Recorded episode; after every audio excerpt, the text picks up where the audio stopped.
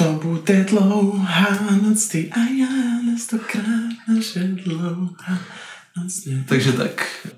Akorát nesmíme moc hrkat židlema a tak. To je všetko, ok. Mhm. akože vodu kaže víno pije. Nie je hamba? Jsi neslyšel. Já tady mám, Lukáši, na tebe nějaké otázky a některé jsou, já nevím, jestli znáš 36 questions to fall in love. Některý jsou tady z tohohle a některý jsou, které mě prostě napadly.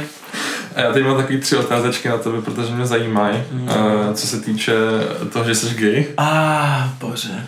To Třeba vadí ti, nebo vadí ti, když se ti lidi na to ptají? Nevíš, co s tebou řeší? Ono, víš čo... Nebo řešil to s tebou vůbec takhle otevřeně někdo? Um, ja si pamätám, že dávnejšie to bolo ešte s kamarátmi, aj s tými bližšími. Ešte ako tak sa mi to podarilo, že zakryť, ale niekedy už teda vlastne to bolo asi do takého dru... tretieho ročníka na Gimply a tí, ktorí vedeli, tak vedeli, ale akože je slušné to nehovoriť ďalej samozrejme, že je to na toho človeka, keď, či ide s tým von alebo tak, ale my sme sa, že ja som to povedal normálne v pohode, ale však keby Miruna by povedala všetko.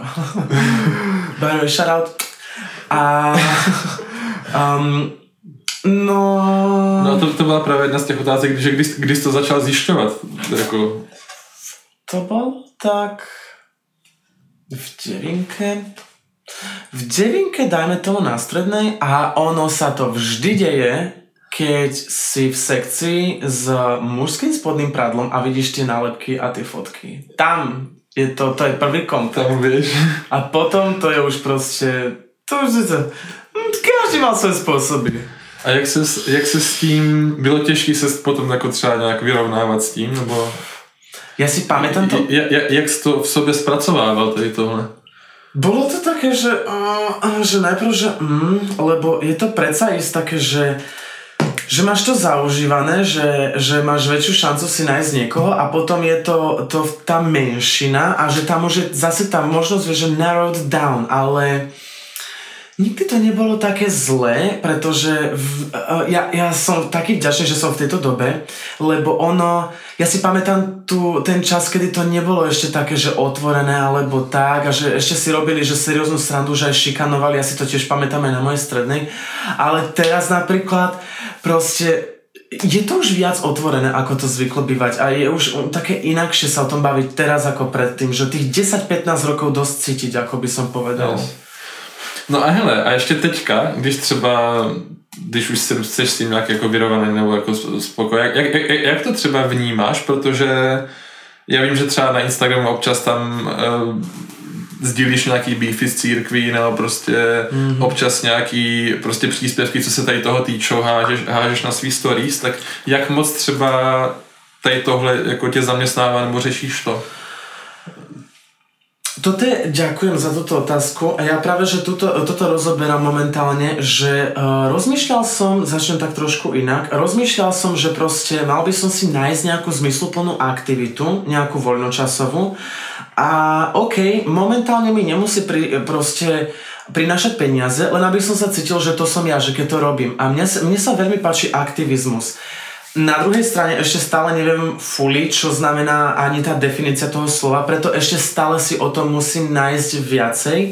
Avšak milujem, keď niečo môžem zazdieľať, že si o niečom prečítam, že vidím niečo zaujímavé, alebo proste, že to má nejaké clear vysvetlenie tak to zazdieľam a snažím sa tak podporiť. Ale napríklad otvorenie, to človek o tom, keby rozprával o čisto LGBT veciach napríklad, tak mm, počúval by som keby sa mňa ten človek niečo opýtal, že by to bolo random v nejakej debate alebo tak, tak by som odpovedal, ale akože ja by som sa nejako nepušoval, keby nebolo treba, že by tam fakt nebolo nejaký, nejaký misconception alebo tak. Čiže, no hej, páči sa mi aktivizmus.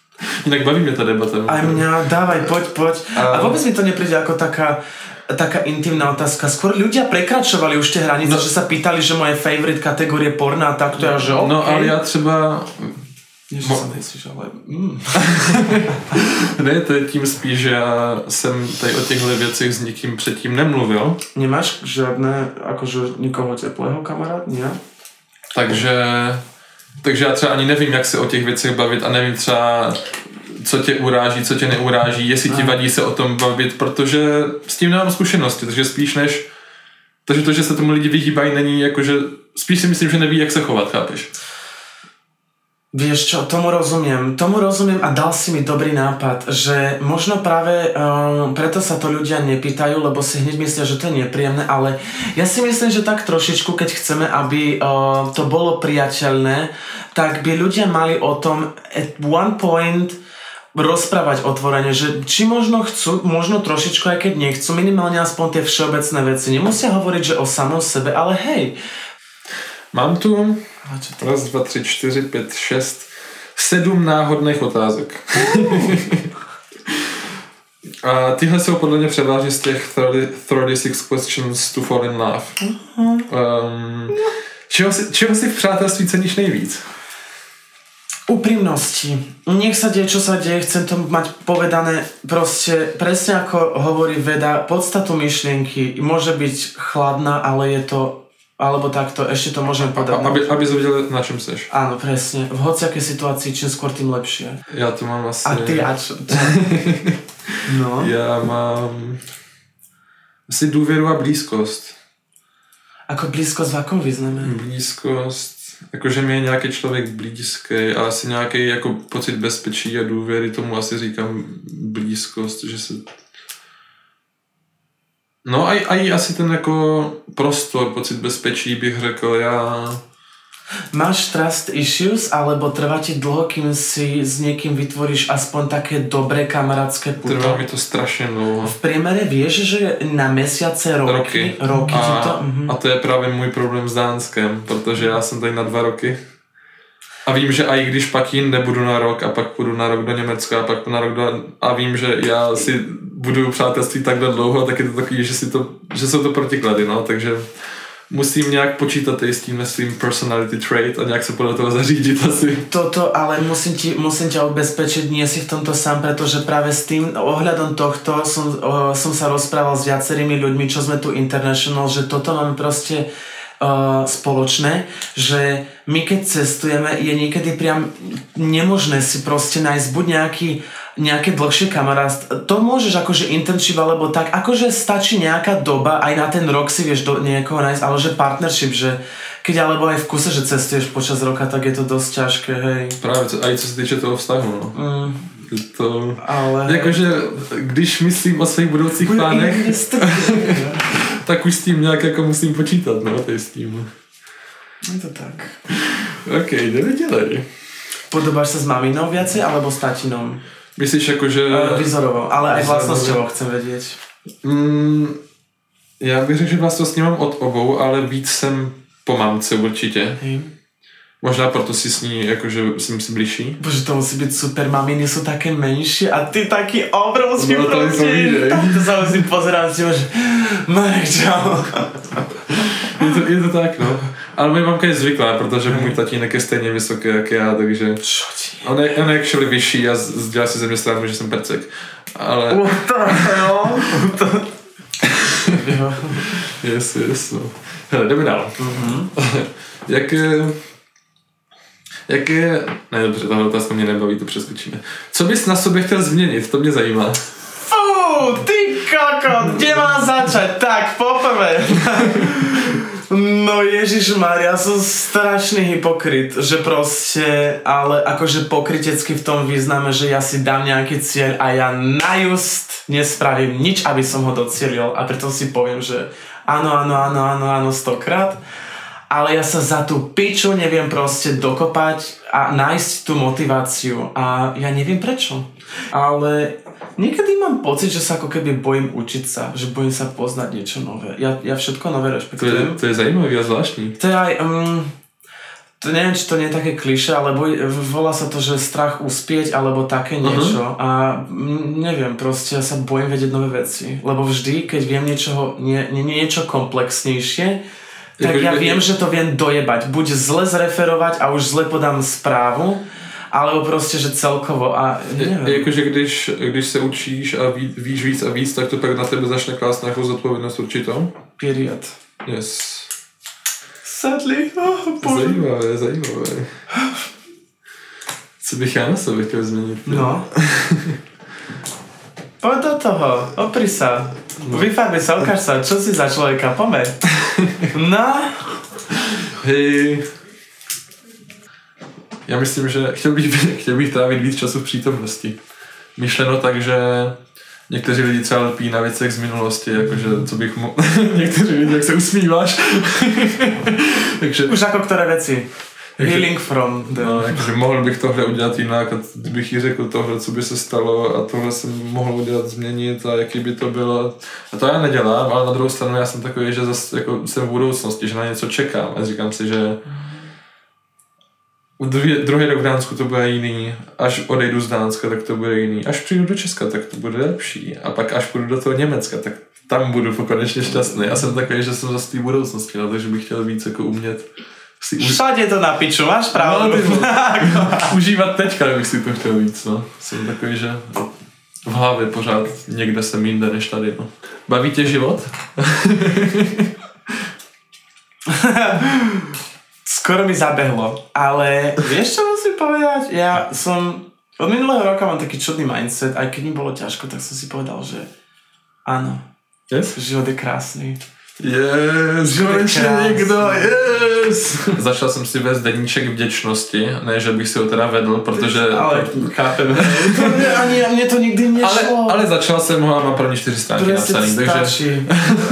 A právě jsem si četl, že lidi, kteří si to jako připomínají a dělají tady tohle a právě si tu vděčnost tak jako vsugerovávají víc do hlavy, tak eh, mají pak jako, že jsou šťastnější, že mají jiný pohled na svět, no.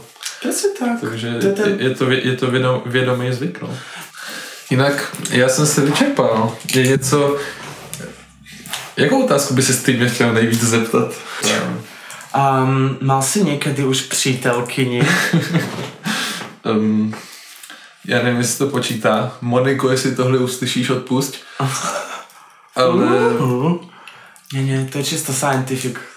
Pre scientific ve, reasons. ve 14 jsem chodil s uh, Monikou Chvílovou, což je ze scoutu uh, jedna kamarádka. Ježiš, ty si bol scout, ja na to zabudám. To si píš. To je cool. A, i teďka půjdu na tábor. Áno, hej, počkať, Výjezd dětičky. bude? Mm, Já doufám. Mm, kedy v júli, v auguste? Eh, Červenec? v júli, v júli. Okay. No, akorát to mi bylo 14, tam moc jsem nevěděl, co je to chození a takže to Oh. bylo takový, že myslím, že obejmutí, držení za ruku a nějaký pohlazení občas, ale to je tak všechno. To A já jsem pak ani, já jsem z toho byl spíš jako takový vystresovaný a ani jsem jako neměl koule na to to nějak ukončit, takže jsme se pak jako rozešli přes zprávu. takže, takže, takže A to bolo... to, to bylo takový měsíční dobrodružo. A, OK. A od té doby nič. Vôbec. Vůbec. Marek, tak teraz nie, že mám otázku, ale predstav si trojskú proste bránu, že ten obrovitánsky skurvený múr, hej, no. jak široký, tak aj dlhý a ty si proste prišiel a zaklopal a zbural ho, lebo ja som si myslel, že ja som proste ten, že proste, že ja som si myslel, že som, nie že ja, ja, ja, ale proste, že ja som sa videl, aký som bol a vtedy s tými blond vlasmi a že proste, že ja, že nikoho si tu Dánsku nenájdem vôbec nič a ja som si myslel, že ty easy úplne a ty si nemal nič odtedy? Ja som si myslel, že ty máš ulety len tak pretrty.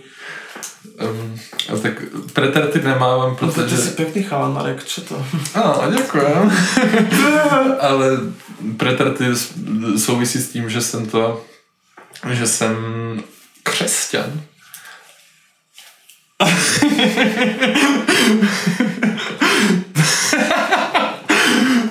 Your expression is priceless right now.